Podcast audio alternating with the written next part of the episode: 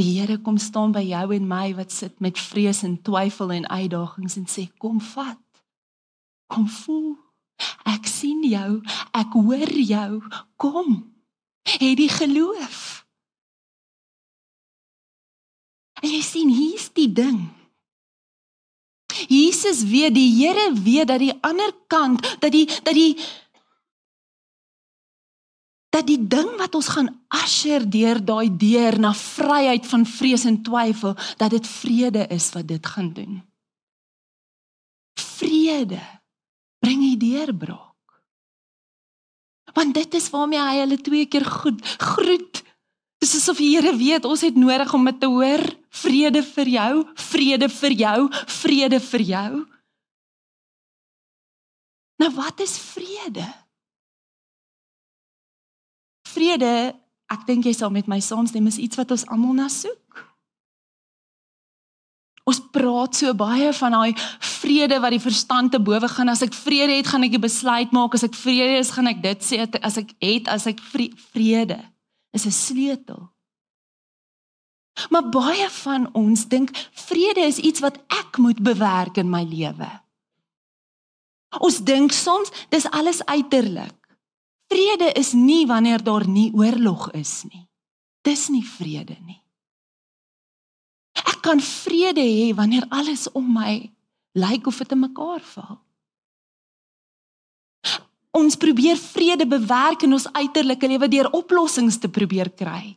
Ekonomiese oplossings, politieke oplossings, oplossings in my verhouding, as ek dit net so so so gaan doen, gaan ons vrede bewaar.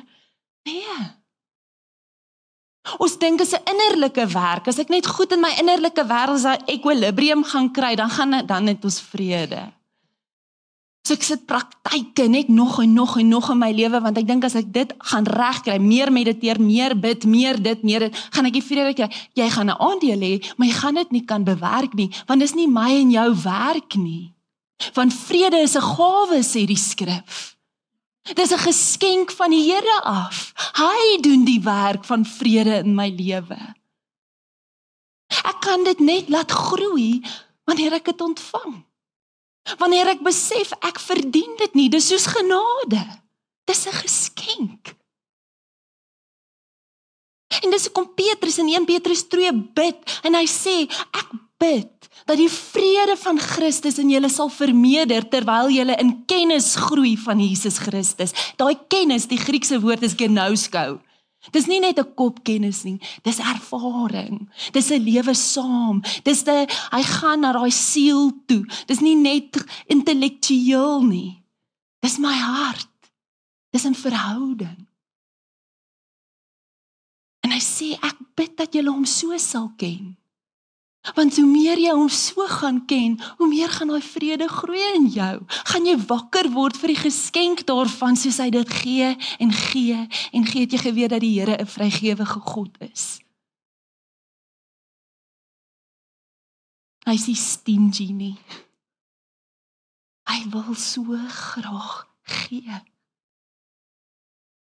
Dis ons wat met hande toe staan en vies raak dat ek dit nie kan kry of voel of ervaar nie. Maar ek ken nie, want ek het dit nog nie gevat nie. Waar in jou lewe staan jy agter 'n geslote deur as gevolg van omstandighede of stemme of dinge wat nie uitgewerk het in jou lewe nie, 'n fout wat jy gemaak het of 'n teleurstelling wat jy beleef het en jy het vandag nodig om Jesus se woorde te hoor, vrede vir jou. Vat dit, ontvang dit Melissa. Vat dit.